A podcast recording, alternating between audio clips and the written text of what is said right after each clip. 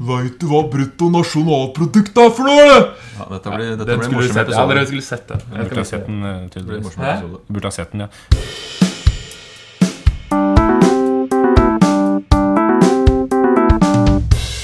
Den gang da. Hei, hei, hei, og hei og hei, og hei, hei, hei. Velkommen Hei. til denne fantastiske, flotte, historiske podkasten Den gang da. Eh, mitt navn er Henning Mortensen. Jeg er eh, selvtitulert programleder. eh, og ved siden av meg så har jeg som vanlig mine kjære, gode kollegaer Jørgen Hei! og Hans. Hei, hei. Har, har du mista etternavnet ditt? Ja, ja, slutt. Jeg heter bare Hans nå. Ja. Forrige gang ble det Hans Rotmo. Så det var Ja, det er sånn- bedre med Hans. da. Vi kan ha det som sånn quiz. Send inn svaret på etternavnet til Hans Jørgen, og vinn en et eller annet. Ja, det, vi- eller det vil nok få folk til å ringe inn. Gamle skrivesaker eller et eller annet vi har liggende på kontoret. Skal du ringe her på kontoret, eller? Ja. Eh, og uh, dagens tema Vi slenger oss dit. Eh, for dere som ikke har hørt på oss før, så er det spenstig å begynne på episode hva det nå har blitt. 16-17. 17, tror jeg. Men eh, for all del, hjertelig velkommen. Takk for at du lytter. Eh, altså dette er jo, Vi er tre historielærere da, som sitter og prater om historie. Og i dag skal vi prate om Norge etter andre verdenskrig. Ja. Ja. Syns dere det er spennende, gutter? ja. Veldig, veldig gøy. Ja, Det er jo ikke det temaet som ikke er spennende i historie. Nei. Og det- jeg, og jeg, ja, Det her er i hvert fall ikke det temaet som ikke er spennende i historie. Nei, det er det, er, det, er Sist snakket vi om Midtøsten, og det er jo forferdelig. Det er trist. Nå skal jeg ikke dra ned stemninga, men det er jo helt, helt krise, i mangel av bedre ord. Du Klarer det da likevel? Mens Norge etter andre verdenskrig kan jo på mange måter ses mer som en eh, solskinnshistorie. Det er litt enklere arbeidskår for både folk og politikere. Ja. Så det er ikke perfekt vi har det, men jeg må innrømme at jeg har det ganske bra. Ja, objektivt sett så går det kjempefint. Så, men apropos Midtøsten, jeg må ha en eh, kort beklagelse Ja, om forlatelse. om forlatelsesbolten. Litt øyeblikk. Ja, denne gangen er det meg. Og det, det, jeg har sluppet unna enn så lenge, men akkurat nå, fordi jeg hørte gjennom Midtøsten sist, og det var bare en forsnakkelse, men jeg mener å høre at, og hørte at jeg sa at Irak støttet Assad-regjeringen i Syria. Og det er jo helt feil. Det var en bokstavfeil. Selvfølgelig Iran.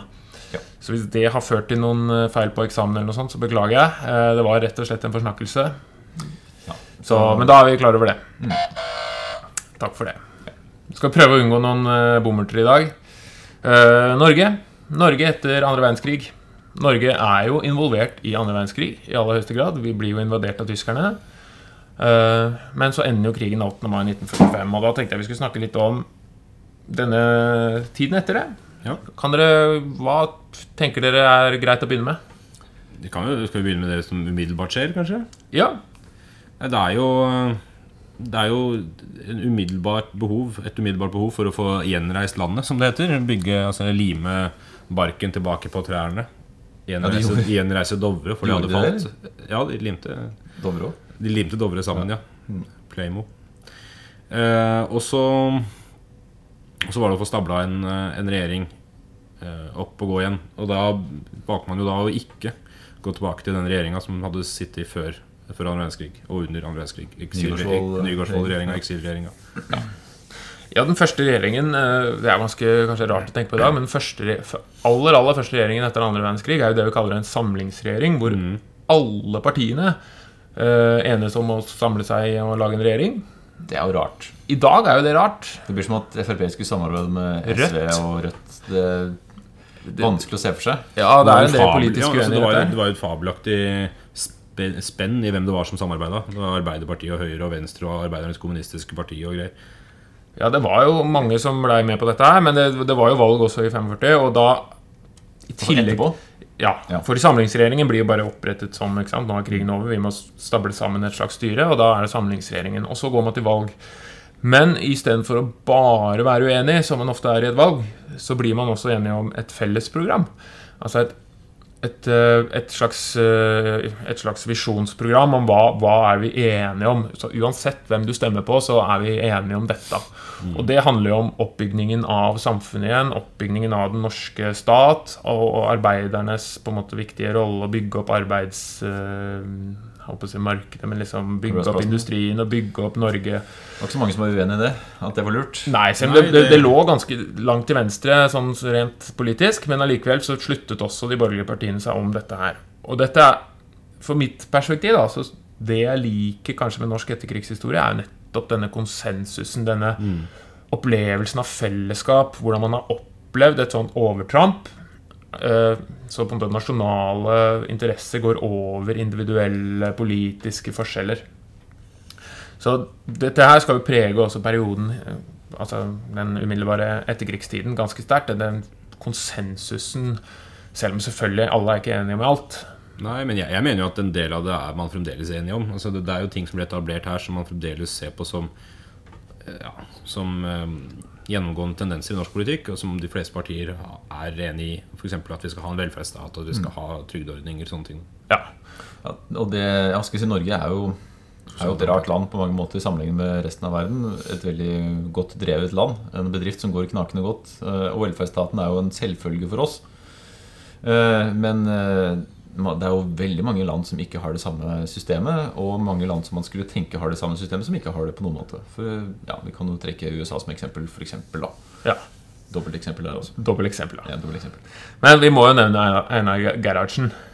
Ja, han kom jo inn allerede med samlingsregjeringa fra 25.6 Ja. og vinner valget. Han, senere.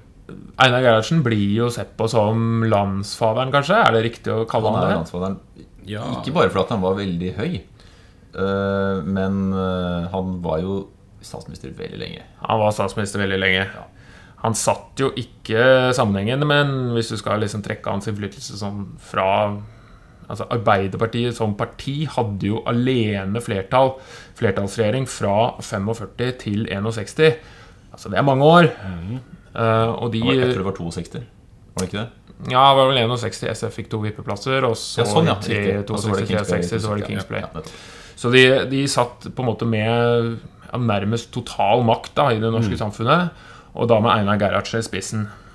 Og for dere som ikke har et klart bilde av hvem Einar Gerhardsen er, kan dere prøve å gi en beskrivelse av han som eh, Ja, høy, da. Ja, han er høy og tynn. Høy og tynn, og her. tynn skalla. Ganske Og nøktern fyr på mange svært måter. sedat, rolig type. Bodde i boligblokker på østkanten. eh, Ikke så veldig mange, men eh, Nei, én. Men han var jo en, en, en altså nøktern mann da, i sin livsførsel. Det går an å si. Ja. Um, Det er mange parodier på hvordan han levde livet. At han rulla q-tips istedenfor å kjøpe dem sjøl. Og at uh, opptatt av dugnadsånd og fellesskapsfølelse. Og eh, han var på en måte Han ville kanskje, og framsto også som en sånn gjennomsnittsnordmann som Mm. også var statsminister. Han, jeg syns jo han mitt, eh, Jeg synes han virker som en sånn eh, god bestefar. Ja. Han er rolig og trygg. Ja. Og, og når han taler, så hører du. Ja. Men ikke, no- ikke noe, ikke noe standup-komiker. Det var veldig få politikere som var det på den tida. Ja, det gikk litt uh, treigere i Anders Lange, da. Han kom, kom litt senere. Han var Ja. Kan du, ja. Så Einar Gerhardsen satt jo og styrte landet, egentlig. Men eh, med seg så hadde han selvfølgelig flere. Og det skal jeg bare få nyansere litt, fordi det er jo eh, man, man har jo lagt fram disse åra her som Arbeiderpartiet, stat osv., men eh, nettopp fordi det er en enighet om, om fellesprogrammet, så er det jo ikke sånn at Arbeiderpartiet bygger landet aleine etter andre verdenskrig. Eh, de andre partiene er også med på dette her. Nei. Men det er noe med på en måte den sosialdemokratiske ideologien som passer til etterkrigstiden. Ja. eh, hvor man skal fokusere nettopp på fellesskapet. Man skal bygge ut eh, godene. Og det er ikke en sånn I forhold til andre kanskje sosialistiske, mer kommunistisk orienterte partier, så er det ikke en sånn kampaktig fremtoning hvor det er selv om Arbeiderpartiet på den tiden kanskje var tydeligere sosialistisk enn det det er i dag, så har jo sosialdemokratiets styrke er jo en mer sånn Hva skal jeg si En rolig fremtoning av at dette skal skje gjennom ordnede prosesser og Har ikke den eh, ikke væpna revolusjon. nei, nok en revolusjonstrangen. Den ser vi jo vokse fram litt seinere, på 70-tallet f.eks., gjennom mer radikale politiske partier. Men eh, Så, så det er jo en sånn Og samtidig så er jo dette her eh, Hvis vi skal se 1950-tallet, da hvis vi skal snakke, snakke litt om det litt større bildet Hva hva, hva er deres bilde av 1950-tallet i Norge? Ja, Det er, det er litt sammensatt eh, i mitt hue. Det er eh, både sånn Altså velferdsstaten i vekst, Norge i vekst, mange nye teknologiske nyvinninger. Men samtidig også restriksjoner i form av visse kjøp. Altså man, man holdt igjen på noen restriksjoner etter krigen, bl.a. at det ikke var lov til å kjøpe biler eh, fritt. Det var bare hvis du hadde, eh, hvis du hadde et firma som kunne på en måte, bevise at du trengte denne bilen. Så eh, nå husker jeg ikke i farta når denne, når denne restriksjonen ble opphevet. Husker dere det? nei. Nei. Så slipper vi å ta om Men mye, mye, av Men disse altså, det var en rasjonering da, på, på varer. Mye, mye oppheves jo på 60- og, og endelig på 70-tallet. Men du har på en måte en, en blanding da, av, av ny, ny tro på fremtiden, samtidig som man er måteholden. Og Hvis vi tar Oslo som eksempel, så var det jo en voldsom byggeboom. Det er jo veldig veldig mange av de blokkene og lavblokkene som finnes i Oslo, spesielt på østkanten, som ble bygd omtrent av drabantbyer poppa opp. Eh, man fikk eh, Lambertseter var vel omtrent var en av de første. Ja. Eh, og altså, husmordrømmen om treroms leilighet og kort vei til vaskekjelleren, og man fikk ja, Det samme ser vi jo i mange andre norske byer. Eh, Bergen får samme type vekst på omtrent samme tid. Du trekker også inn husmødrene her, Fordi dette er jo også Hvis du ser aviser og TV også, Eller ikke TV, men ja, Det er veldig mye morsomme reklamer, f.eks. Ja. Kinoreklamer, ja. Dette er jo liksom husmorens storhetstid. Mor du skulle gjerne gifte deg ung og få to barn. Og mor skulle være hjemme og vaske opp, og sånn Og far skulle være ute og bygge opp landet. Ja. Gjerne med en sånn administrativ, byråkratisk stilling. Og bruke hatt og frakk. Ja, og komme hjem, og da skulle middagen være ferdig, og far skulle få ro og hvile. Så han, han var stresset etter jobben. ikke sant? Ja. Og Arbeiderpartiet satt trygt ved regjering. Det var ingen som rikket på det, og det var en sånn opplevelse av fellesskap. Hvis vi, skal forsøke å finne noe adjektiv, så tenker jeg liksom det er, det er forutsigbart. eh, men eh, ikke så spennende, kanskje? Eller det er spennende òg? Det er nye ting. Ja, du får jo rocken og sånn etter Ja, hvert. det er Det jeg kan jo vi se litt på etterpå. Men eh, jeg tenker også vi kan jo se litt på Norges rolle i det internasjonale Ja. samfunnet her. Og Det er jo bakgrunnen litt for at vi, vi havner i den situasjonen vi gjør med, med en relativ velferdsvekst på 50-tallet og videre framover. Det er jo at vi får en vestlig vending etter andre verdenskrig. Det vil si at vi, vi blir alliert med USA fremfor Sovjetunionen. Ja. Eh, prøver å balansere det der forholdet litt, men vi, vi blir vestlig alliert bl.a. pga. Marshall, Marshall-hjelpen som vi får fra USA fra 48, Og og, minst NATO, Nato-medlemskapet i 49. Så vi, vi tar en definitiv rolle i den kalde krigen. Altså Vi tar en side. Vi er eh, heia USA. Vi melder oss inn der. Vi skal, vi skal bare ta kort Marshall-hjelpen. Det var ned til en annen podkast, men så det handler om at USA gir penger mot at vi er medlem av frihandelssystemet. Ja. eh, i kort og greit. Så vi må på en måte være med på USAs måte å tenke økonomisk politikk på. Men sett fra et amerikansk perspektiv så er Norge egentlig svært sosialistisk. Ja. Og regjeringen pusher jo på, men allikevel så er det, blir det nærmest restriksjoner. Altså at dere ikke, ikke for mye statlig nå. Ikke nasjonalisere for mye, på en måte. Altså det er Ja det er allikevel Vi er en sånn brytning her mellom en sånn veldig markedsliberal, fri økonomisk eh, greie, samtidig som du har jo en sosialistisk eh, Ja, regjering. og det er jo ikke noe på en måte det, det virker på en måte åpenbart at USA er våre nærmeste allierte, men det er ikke så åpenbart heller. Fordi Sovjet, da, som det het på den tiden, var jo For det første så hadde vi jo grense til Sovjet, og det er fortsatt. Og det var eh, bevegelser og krefter i Norge som var kommunistiske og langt ut på venstresiden. Eh, Men USA var nok nærmere for de fleste, ikke minst pga. populærkultur, eh, og at man har denne frihetstankegangen da, om at individets frihet ble stadig viktigere utover 50-tallet. Frihet til å velge. Det, det er jo up and coming, selv om man har Arbeiderpartiet i regjering. Ja, for Du leder jo oss eh, egentlig litt inn på 60-tallet. der, For 50-tallet Du har babyboom, og det fødes masse barn. Og, og mor er hjemme, og Arbeiderpartiet sitter trygt. Men det varer jo ikke skal jeg si, eh, denne idyllen. Noen vil kanskje være uenig med meg i det, men dette bildet varer jo ikke så lenge, da. Fordi når vi kommer ut på 60-tallet, så er det jo noen eh, sprekker som begynner å oppstå. Du tenker på 62? Blant annet Kings Bay, ja, Kings for Bay. eksempel. Fordi Arbeiderpartiet i 61 så er ikke lenger Arbeiderpartiet totaldominerende SF, da, som er forløperen til det som i dag er SV. Sosialistisk Folkeparti, altså. De er jo på venstresiden, så de i utgangspunktet er jo med eh, Arbeiderpartiet. Heller det enn Høyre, på en måte. Men det får jo en betydning, for nå har jo ikke Arbeiderpartiet lenger denne totale dominansen. Nei, for de, de får to vippeplasser av 61. Ja. Altså. Og Ja. vippeplasser, altså det er jo enkelt forklart. Altså, når de sitter på vippen, så har de i enkelte situasjoner stor makt. Fordi Arbeiderpartiet har ikke all makten uten SF. Nei. Så hvis SF er uenig i Arbeiderpartiet, så kan de i praksis sette hele regjeringen på spill. Og det skjer jo. Ja, og her er vi i 260. Eh, Jeg som er polarhistorieidiot, er selvfølgelig glad i denne her òg. Ikke at jeg trenger å være glad i en eh, tragisk ulykke, men For det er en ulykke på Svalbard, og det er veldig kaldt der. og, det, Og da liker du det. Derfor liker jeg det. Men uh, det finnes jo flere gruvesamfunn på Svalbard. Um, et er Spitsbergen, som er det mest kjente, uh, i Longyearbyen. Uh, Men du har jo et annet samfunn som heter Ny-Ålesund. Og det er en mye mindre plass. Men på den tida her, på 60-tallet, så drev det var vel det som het Store Norske Kullkompani. Et statseid gruveselskap som drev gruvedrift i kull, kullform. da Mye av det samme som man driver med i Longyearbyen. Eh, I 62 så var det en stor ulykke i denne, dette lille gruvesamfunnet Ny-Ålesund. Eh, eh, I forbindelse med at det var et skift, altså at man, eh, noen gruvearbeidere kom opp og noen skulle ned, så var det en eksplosjon i gruva. Og det var kaotisk og vanskelig og uoversiktlig eh, i en lang stund, egentlig. Og dette er et samfunn som på en måte er fullstendig isolert fra omverdenen. Det tok litt tid før man fikk meldinger om hva som hadde skjedd. Men i bunn og grunn også var det en tragisk ulykke i form av menneskeliv som gikk tapt 21 stykker som omkom. Og så ble det stilt spørsmål da, ved håndteringen til eieren, altså regjeringen, som jo var eieren av gruven. Ble dette gjort i riktig måte? Hadde man sikkerhetsforanstaltninger? Eh, Kunne man stole på at dette ikke ville skje igjen?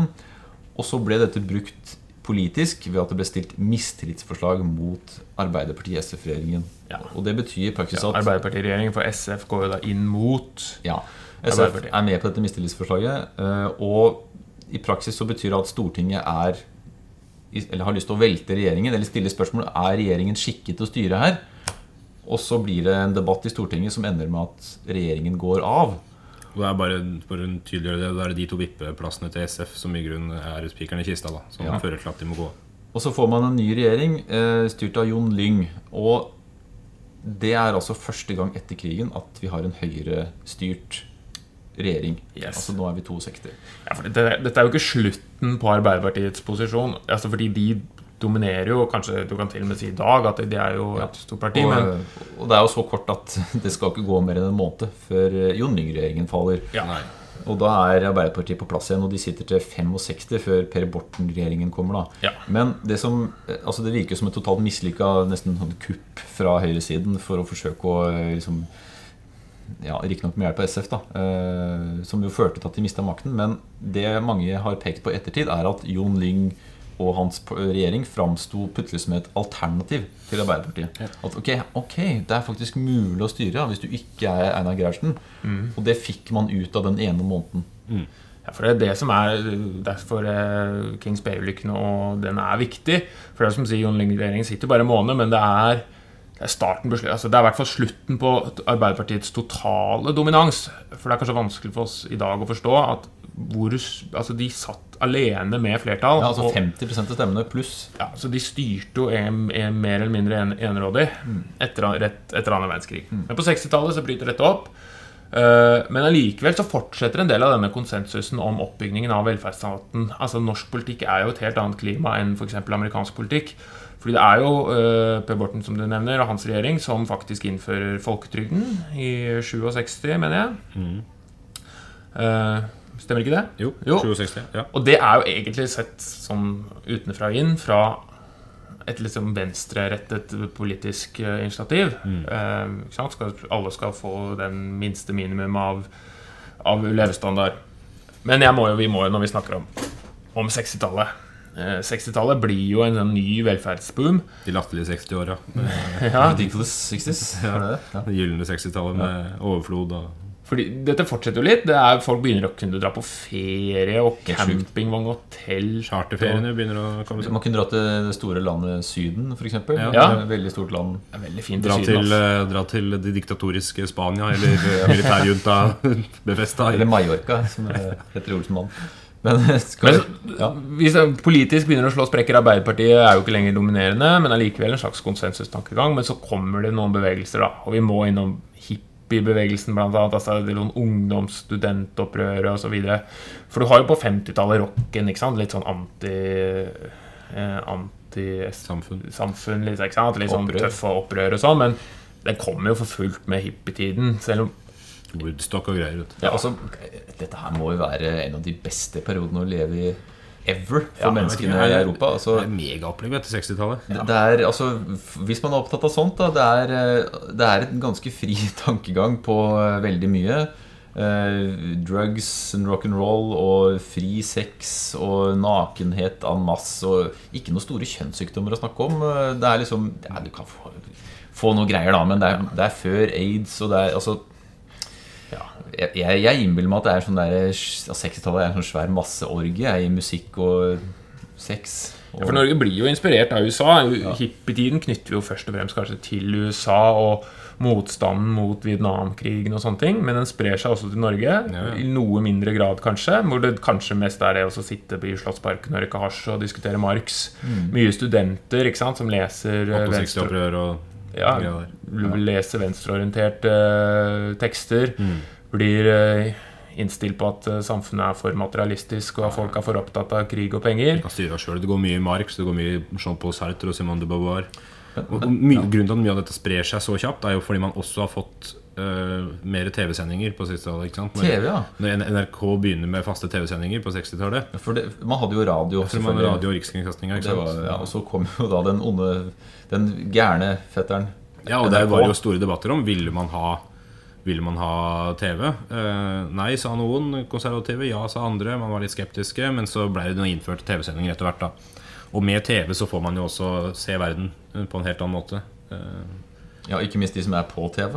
ja. Eh, og vi har jo en episode her med Gerhardsen og hans åpningstale. Gerhardsen har en åpning Han offisielt åpner eh, TV-sendinger i, i Norge. Og kom jo annet med appeller til folk der oppe at vi skal ikke være redde for TV eller for fjernsynet. Skal ikke være redde Vi håper det kommer mye bra der. Han er jo åpenbart heller ikke vant til å være på, på fjernsynsmediet. Når du, han er ganske ukomfortabel å se på. Deler for øvrig kong Olav når han holder TV-taler også det, i begynnelsen. Se på Det var YouTube. ja. Ja, ja. Men det er, det er jo litt det, det var jo litt sånn frykt. Kommer TV til å ødelegge familien? Ja, ja. Ødelegge samværet? Og eh, Gerhardsen som du sier, er jo veldig på nei da. Dette blir et nytt samlingspunkt. Dette blir et nytt vindu som vi kan titte på sammen. Mm. Men sett nå, i ettertiden nå, så kan man jo tenke igjen Har dette splittet oss? Har vi i hvert fall nå som alle har TV på hvert sitt rom og skjerm i hver sin lomme? Og Ja, i hvert fall det med skjerm i hver sin lomme. Når man sitter med to iPader hjemme istedenfor å se sammen på et, et program, så må du splitte av ytterligere. Men det, Ja, Norge har jo også lang historie for å være veldig skeptisk. altså Ikke bare innen skiidrett, hvis man skal ta liksom all skeptisk mot glassfiberski og ny skøyteteknikk og alt mulig, men også farge-TV, f.eks. ja, da, da farge-TV kom, så var det. Norge var nest sist i Europa. Jeg tror Ja. det bare var Albania som var bak oss. Eller var de før oss? Jeg husker ikke. Det var i hvert fall ut på 70-tallet hvor vi fikk fargeskjerm. Fordi, 70, mener jeg. ja, for man var så redd da for disse farvene. Jeg veit ikke om det var pga. Psykedelia syndig- syndig fra 60-tallet. Eller Han, eh, Einar, Førde. Einar Førde sa det på Stortinget da farge-TV ble innført. Eller i debatten Han sa at, ironiserte over disse partiene som ikke ville ha farge-TV. Og sa at eh, vi godtar at synda har kommet til Norge, men vi vil ikke ha den i farger. Nei, nettopp. Synes det var et fint sitat. Så jeg sa det på den dialekta. Jeg Ja, forestiller det er at han Så han ble jo senere kringkastingssjef. Ble så han hadde, Som alle andre kringkastingssjefer, tidligere Arbeiderpartipolitiker. Ja, Bortsett fra Bernander. Han er jo ja. Ok. Ja, vi får TV. 60-tallet. Ungdommene begynner å synes at det er for kjedelig å være Vietnamkrigen rett i stua. Det har hjulpet jo, da. TV-overført eh, krig som nordmenn også ser. Det fører også til at hippiebevegelsen vokser fram her. Ja. Og så må vi jo bare nevne at i 69, Ekofisk, så finner man olje på norsk sokkel. Jeg trodde du skulle nevne månelandinga, men eh, det var Ekofisk som var Norges månelanding, eh, den metaforen har blitt misbrukt før. Men eh, Ja, fordi Norge får jo betydning for den fortsatte velstandsøkningen i, i Norge. Det er, det er spennende historie. altså Vi skal ikke ta hele her. Men også, ja, penger, ja. minst penger. Men det var jo det ble jo så mye prøveboringer. Eh, var det Philips som sto for de fleste prøveboringene i Norge? Ja, det var det. Og de fant jo ingenting. Og det var liksom det aller siste forsøket, den aller siste Mm. boringa, så bare Og så er oljealderen i gang i praksis. Og det foregikk en rimelig bra hestehandel der. Ja, Um, Åh, hva het Nå er det et navn jeg er ute etter. Eh, motstandsmann i Norge, Milorg mm. Hauge. Hauge, ja. Jens Christian Hauge var jo forhandler i disse prosessene, og han var visstnok beinhard og oppnådde helt fantastiske ting på Norges vegne. Eh, Det var jo snakk om at man skulle dele eh, sokkelrettighetene, men Norge satt igjen med ja, mye bra. Det er bl.a. noen skillelinjer her som gjør at Norge satt igjen med mye mer kontinentalsokkel enn man Skal tenkte. jo også nevne Jens Evensen i den sammenhengen der, tror jeg. En Arbeiderpartipolitiker. Advokat og diplomat som bidro sammen med Hauge til mye av de forhandlingene som sørga for at Norge fikk, eh, fikk de oljerettighetene vi har. da, fordi det er, ikke, det er ikke alle som har funnet olje på sitt område, som har klart å beholde de rettighetene. Nei, for Det er forskjell på, på en måte norsk forhold og saudiarabisk eh, hvordan de behandler oljeressursene. Ja. Hvor at i Norge det går mer eller mindre direkte i, i statskassa. Hvor i andre land det går til privatpersoner. Ja, nå er jo privatpersoner og statskassa mye av det samme i andre land også, selvfølgelig. Men eh, det er jo ja. Så eh, Det er jo en prosess, og det får jo betydning for norsk eh, økende velstand. Men eh, vi, det er jo 69, så da tar vi et uh, lite hopp et par år til 70-tallet. Og igjen så fortsetter jo denne altså, hasjrøykingen i Slottsparken. ungdoms- Ungdomsoppgjøret. Stund til. Og du får kanskje også en økende politisk splittelse i Norge. Fra den trygge Arbeiderpartiet, og så, ja, så kommer Høyre inn som et, og, og Senterpartiet som et uh, spisbart alternativ. Men så begynner noen på 70-tallet. Nei, dette går ikke langt nok. Vi må Men man fortsetter, man fortsetter jo likevel å innføre velferdsstaten. Det. Så man det er ikke ferdig med det arbeidet ennå. Uh, Men man får jo en, en framvekst av venstresiden igjen. eh, Ja, hvis det er det du tenker på, ny radikalisering mot venstre. Ja, Mer kommunismen, Man lefler med kommunistiske tanker og forfattere. Dag AKP, Solstad og AKP, ML og den gjengen der. Ja, AKP-ML kan dere jo Profilbevegelsen. Hva er det for noe for de som ikke AKP, AKP, en gang til. AKP ML, Arbeidernes kommunistiske parti, marxist-leninisten, et fabelaktig forvirrende navn for øvrig, er jo er en politisk rørsle. eh, som, Ja, for det må sies på nynorsk. Det blir best da. det blir best da, eller samnorsk. Samnorsk, ja. Der er politisk rørsle som eh, som arbeider for sosialistisk Norge. Nettopp, Eh, Gjerne gjennom være- væpna revolusjon, da. Og hvor du skal væpna Ja, revolusjon. revolusjon. Og så må du ha trykk på førstestavelsen. ja, Revolusjon. revolusjon. Du skal pro pro proletarisere deg sjøl. Ja, mye anelser. Kvitte deg med åket Ja. over det. Gjerne inspirasjon fra Kina. Ja. Mao, inspirasjonskilde, og også Ja, jeg vet ikke.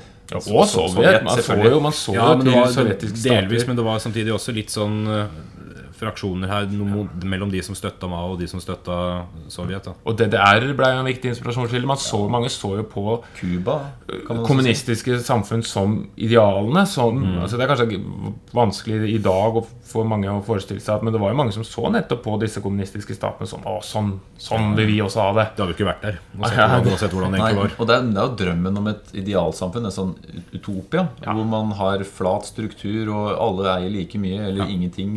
Alle eier Kaste ingenting. det jæskla borgerskapet og innsette arbeider... Så jeg, jeg skjønner jo og appellen i det, og- men, eh, men eh, det er jo som i mye annet her at i praksis så er det noen snarveier som tas, og statsledere en masse er jo voldsomme overgripere samtidig. Ja. Men dette er venstresiden, så det blir en uh, ganske sånn eh, Kall det ekstrem fraksjon Mm. på venstresiden. Mange Altså- ungdom og studenter som mener at uh, man må styrte systemet og greier. Men på høyresiden så får du også, også, vet du. Ja, Ja, for da får vi jo Altså, vi har en nasjon vi er med, vi er små, men Anders Lange. Anders Langes parti til sterk nedsettelse av skatter, avgifter og offentlige inngrep. Det er sitt. Det er Kan du sitt. ta det en gang til? Anders Langes parti til sterk nedsettelse av skatter, avgifter og offentlige inngrep. Ja de bør jo bytte navnet. De gjør jo det etter hvert, da. Og Ja, det gjør de. ja. kaller seg for kristelig Nei, unnskyld. Oi, oi, oi! Neida, neida. Um, Kristelig Folkeparti? Nei, nei, ja. Kristelig Fremskrittsparti. ja, Fremskrittspartiet, altså, i dag. Så, så Fremskrittspartiet blir etablert av Anders Lange da som et parti som skal da går litt imot nettopp denne her eh, sosialdemokratiske, tungrodde, byråkratiske greia som har preget norsk politikk, kan man si, fra andre verdenskrig. Eh, man ser at å, det blir så mye skjemaer, og det blir så mye skatter, og det er mer ønske om en individuell frihet. Det er liberalisme, da. Ja. Den fellesskapsopplevelsen som oppstår etter andre verdenskrig eh, For da må man bygge opp landet, man må liksom komme seg opp og fram igjen og stå sammen. Alle ser at man må dra sitt lass, for å si det sånn. Så begynner etter hvert som denne krigen blir lenger og lenger unna, og de som skal stemme, ikke har levd under den, og sånn, så går man litt vekk. Og det er jo en tendens kanskje mange steder at, og alle, til alle tider at en dugnadsånd på en måte mister litt av altså, den, den mister litt terreng da i det man, ikke, i det man kan betale andre for å gjøre jobben. Eh, så, så er det kanskje litt det som skjer. Folk begynner å få det såpass bra at, at det å jobbe for felles goder eh, mister litt, eh, Altså, er mister litt fokus. Kan du si at det er en slags slitasje? At man, eh, man har tenkt Altså Fellesskapstanken som du sier, Henning, har vært veldig fremtredende. Og så tenker man kanskje mer 'hvorfor ikke meg'? Det er jo Hvor er jeg oppi det her? Vi har jo ja, Men det er jo også en kampsaker her. Kvinnekampen blir jo viktig på 70-tallet. Eh, En stor feministisk bølge. Det handler om likelønn, det handler om selvbestemt abort. Etter hvert også lesbisk homofil frigjøring. Ja, på- Brenning av BH-er, eh, som er det klassiske eksempelet. Og 70-tallet er jo der hvor kvinnene begynner for fullt å komme seg mer og mer ut. Idealet er ikke lenger en uh, forklekledd husmor som eh, baker kaker til sin mann og, og lystrer lydig hans, eh, kommand, hans kommando, men man begynner, kvinnene begynner å kreve sin rett. eh, veldig bra. Og så kommer man også, samtidig som man bygger ut velferdsstaten, så kommer kvinnene ut i arbeidslivet fordi paradoksalt nok man får et, frigjort en del av kvinnens oppgave i hjemmet. Barnepass, eldreomsorg. Gjør, gjør det statlig. Og kvinnene tar disse arbeidsplassene. Jobber som barna, i barnehager, på eldresenter. Så, så du kan jo på mange måter si at kvinnene gjør mye av de samme oppgavene, men heller i statlig regi. Ja, det kan du si. Og så altså, er det mye tekniske nyvinninger her da, som gjør at det rett og slett blir frigjort tid hjemme. Fordi Ja. man får eh, vaskemaskin, f.eks., som gjør at man kan vaske klærne i en maskin og gjøre andre ting. Før dette skal man være klar over, hvis man leser eh, husmorbøker fra mellomkrigstida, det er en fulltidsjobb. altså. Her er det snakk om vindusvask en masse, og det skal lages mat fra bunnen av, og det skal vaskes. Jeg har en eller annen bok hjemme fra 1920 som handler om husmorens plikter. Og der er det Hvor ofte skal du vaske badet, f.eks.? Det er eh, Ja, foruten den daglige vasken så skal man vaske ukentlig skikkelig og månedlig skikkelig skikkelig. Da skal man skrubbe det. Så her er det Det er så mye oppgaver da som er en del av husmorens jobb, som gjør at det er umulig å få tid til noe annet. Men som jo forsvinner når man får, som du sier, eh, mer statlig regi og tekniske nyvinninger. Og så blir det mer spisbart med mykere menn. Altså, Venstresiden går litt i bresjen her. Disse frika studentene er ikke lenger redde for å kunne gå med barnevogn. Selv om det er en debatt en dag i dag, så er det jo akseptert mer oppmykning av disse kjønnsrollene. Eh, I hvert fall på, på noen segmenter i samfunnet. Det gir seg altså Alt sammen gir seg utslag i at kvinner føder færre barn. Eh, Noe som vi ser en tendens til altså den, den knekken får man først på 70-tallet, og den har holdt seg relativt synkende fram til i dag. Ja, Lykkerusen fra Ja. hvetebrødsdagen etter krigen er over. ja, ikke sant? Og nå er det mye er det ligger på nå? 1,9 barn per kvinne. Mm. Og for å opprettholde en vekst i befolkninga så må man ligge på 2,1 eller noe sånt. Ja. Uh, at vi likevel har vekst, forklares jo også med noe annet som skjer på 70-tallet. Det er innvandrings, eh, første innvandringsbølge. Mm. Eh, Fra først og fremst eh, Pakistan og Vietnam er det jo mange òg. Mm -hmm. jeg, jeg kommer jo sjøl fra en lita trivelig bygd i Østfold, Askim. Og vi har en veldig Nå trodde jeg du var på vei et helt annet sted. Ja, du? Du, også var innvandra fra 70-tallet. nei, jeg kom, kom fra Askim og jeg er innvandret til Drammen, men det er Ja. en annen ting. Utvandra, kanskje. Eh, men utvandret der er det også en stor, ja. veldig stor del av befolkningen er vietnamesisk. Ja. Og de er, det er jo andre og tredje generasjon der nå, da, siden de kom på 70-tallet. Det er overgang. altså. Eh, hm? Det er overgang. Fra hva da? Ars Vietnam, Vietnam til Askim. Ja. Flott liten industriperle, det der. Men 70-tallet er jo fortsatt Vi kan fortsatt bli det kanskje klassifisert som sosialdemokratiets storhetstid, men det begynner å slå tydelige sprekker.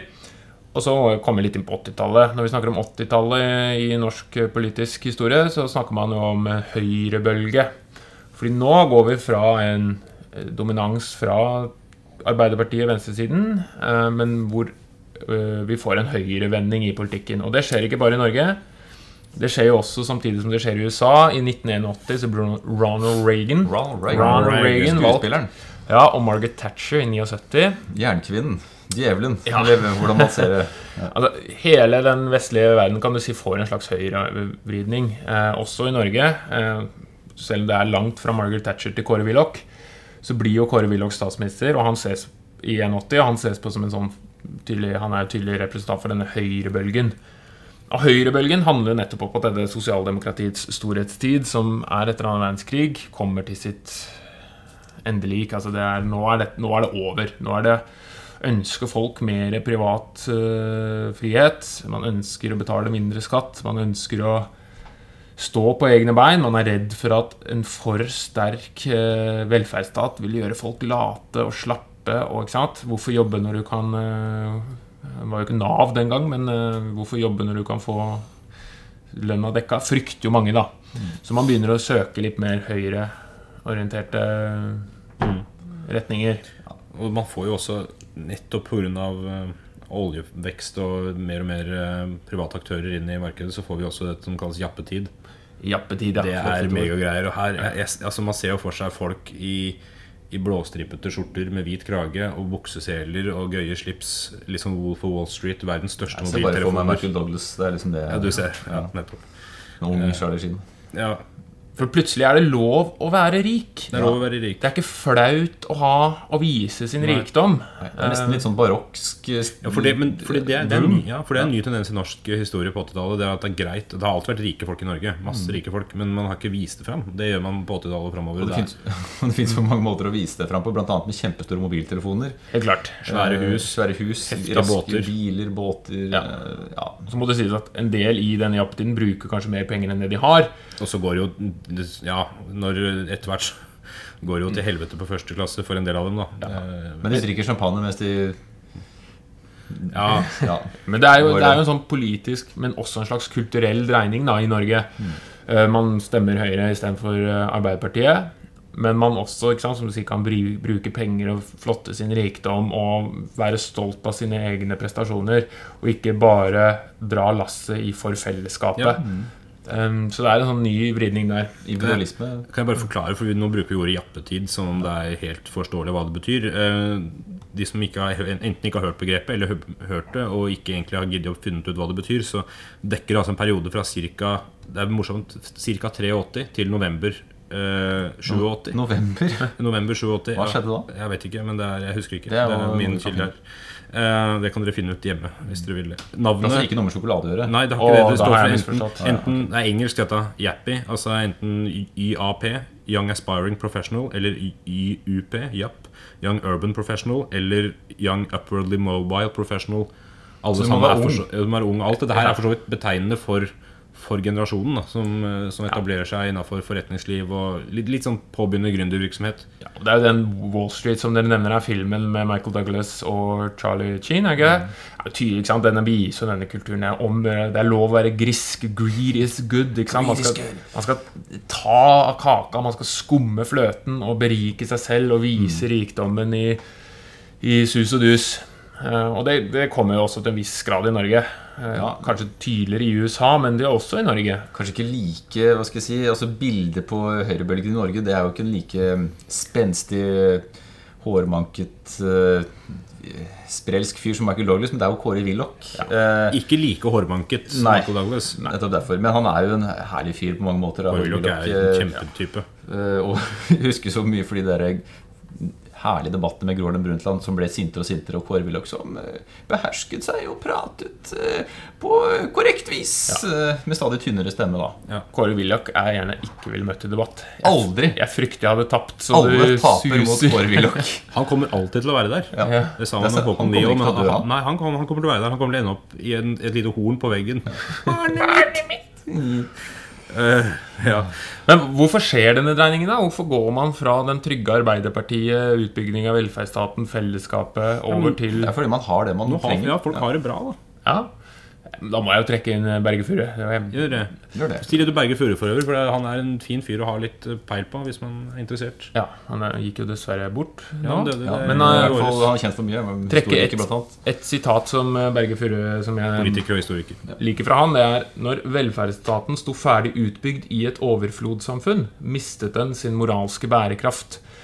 Når velferdsstaten blei en sikkerhet, alle var enige om den var ganske utbygd, samtidig som man får økt levestandard og mer penger for folk flest, skal du kalle det, så mister man kanskje den sympatien for fattigdom. Fattigdom er ikke lenger et felles problem. Det er din skyld.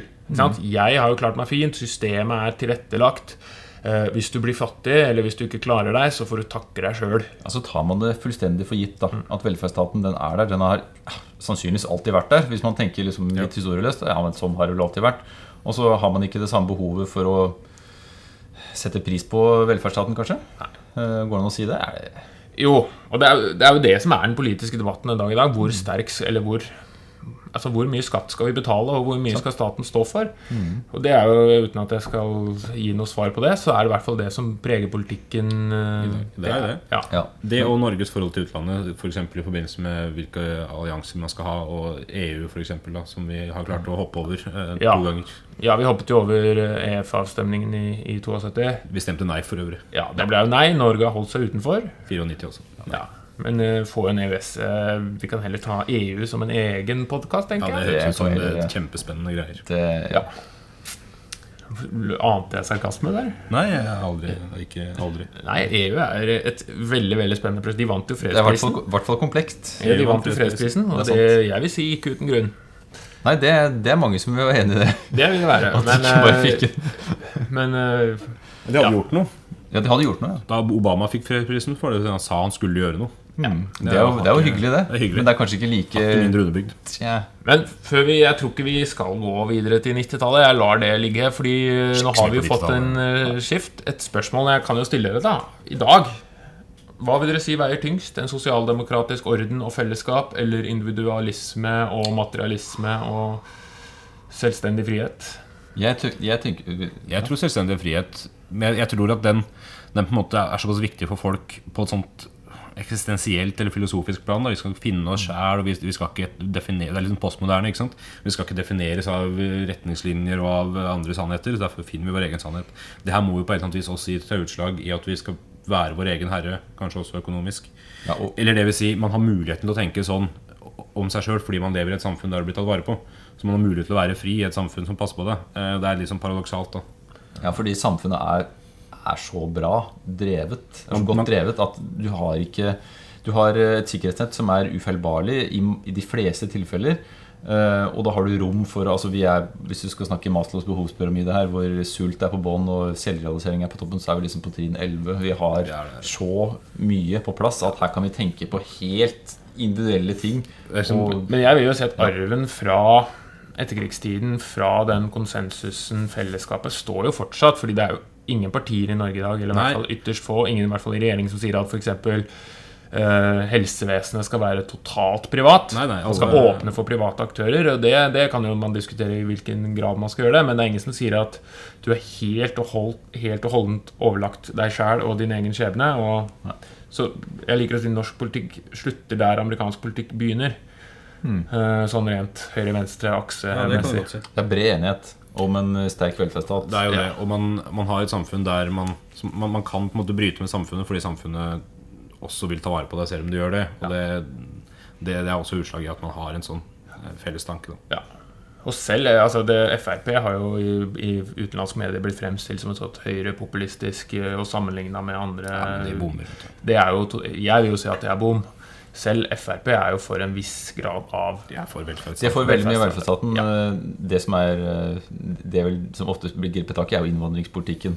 Som, eh, som man kan eh, diskutere en Men annen I gang. Internasjonal skala så er ikke den spesielt. nei, den er jo ikke det. Den er sammenlignbar med våre nærmeste naboland, Danmark og Sverige. Vi, vi sparker ikke borti den bikuba der. Eh, Nei, vi- okay. nei.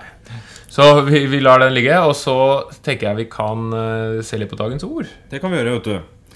Dagens ord Jeg gikk eh, Er det japansk, eller? Nei, du vet hva, i dag er det 50-tallsslang. Inuittisk.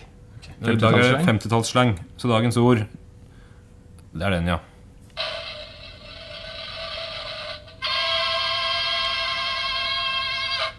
Slapp i kloa. Ja. Å være slapp i kloa, som betyr å være i dårlig humør. Eh, Ok. Så, så det var noe annet enn det du satt og tenkte på der, Jørgen. Å være slapp i kloa betyr å være i dårlig humør. Og det kan man ofte for eksempel være hvis man har mugg i platehaugen, som betyr å ha dårlig jazz. Kjedelig, altså. Dårlig jazz, mugg i platehaugen. Men være slapp i kloa, dårlig humør, altså. Det er i det hele tatt mye god sjargong fra den jazzperioden. Jeg tror vi kommer til å se like humoristisk tilbake på dagens slang.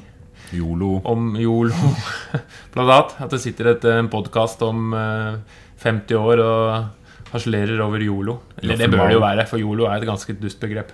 Ja. Ja, Det er, det er ute allerede. Det er utdatert. ja det er bare Det, det er bare så noe, i fjor. altså, du kan vite med sikkerhet da, at når lærere snapper det opp, så er det ut. ja, det er det er sant. har det vært ut Eller eventuelt så blir det ut fordi vi snapper opp. Det kan være en vekselvirkning der, ja. Det er godt å vite at når jeg fanger opp noe, så er det ut. Kanskje jeg skal begynne å se på Skam, så det også blir ut. Ja, det er jo, altså, Facebook og Skam er jo ut, fordi Ja. nå er det for mainstream. Ja. Nei, men eh, skal vi si uh, takk for nå? Vi takker for nå og minner folk om å feire 6. august. Da er det 47-årsjubileum for avdukinga av underbuksa til Per Borten i 1969. Eh, hvis dere ikke kjenner den saken, så kan dere sjekke det ut. Jeg vil forresten avslutte jeg må, Det har jeg, jeg har nevnt det for dere før, men jeg tror ikke jeg har sagt det her. Hvis jeg skulle valgt ett år å bli født i hele verdenshistorien, så tror jeg jeg skulle blitt født i akkurat 1950. Ja. Så tar jeg det også som en oppslutning, avslutning noen oppsummering. Akkurat som faren din. Ja, Din far er født i det perfekte året. Da får du hele barndommen i et trygt eh, husmorshjem med mor hjemme og leke med ungen i gata. Nå generaliserer vi veldig her. Det er var ikke alle som levde sånn. altså Nei, det er klart. Men uh, fra mitt uh, Ifølge media var det alle som Ja, sånn den jeg skulle ønske Sånn jeg ser for meg mitt liv hvis jeg var født i 1950. Du ungdomstiden på 60 Eller du liksom kommer deg over på 60-tallet for Du er ungdomstiden. 18 år Du i 68. 18 år i 68. og Akkurat lov til å gjøre opprør. Ikke sant? Du er ferdig på gymnaset, du kan sitte og røyke hasj i Slottsparken og diskutere Marx og være øh, uenig i alt og alle uansett. Og så kommer du liksom over i voksentiden på 70-tallet. Eh, Du kan liksom eh, få ja, sitte fortsatt og røyke litt hasj og diskutere Marx, men allikevel begynne å skjerpe deg litt mot slutten. Og så får du 30-åra på 80-tallet. Du har akkurat etablert deg, begynt å tjene penger. Jappetida. Du får lov til å kjøpe nye fancy mobiltelefoner og det som er. Ja, nei, det er flott. Og 90-tallet, ikke sant? så får du 94, kan dra på Lillehammer-OL med unga som har blitt store nok til å stå og heie. Det er, det er helt Ja. perfekt. Det er tydelig at du er eh, inne i dette, Henning. Det er helt greit. Det du ikke har tenkt på, det er at eh, hvis du ble født på 50-tallet og levde på 70-tallet, så måtte du også tåle å få aspik og kabaret i alle mulige offentlige sammenhenger. Brun mat. Og brun mat. Ja. Så her er det ikke bare positive ting. Her er det høyst reelle ilandsproblemer som du har glemt. Kabaret er, men jeg har faktisk vokst opp med kabaret, for jeg har en far som fortsatt liker kabaret. Nettopp. Der har du det. Så Jeg vokste opp med kabaret. Vi satte satt, satt opp mye kabaret hjemme. eh, Franske kabareter. Å ja. Var det kan jeg leve med. Var det salt og Nei. Nei, jeg-. Men da sier vi takk for nå. Takk for at du lyttet. Takk for at eh, vi fikk være her. Det er hyggelig.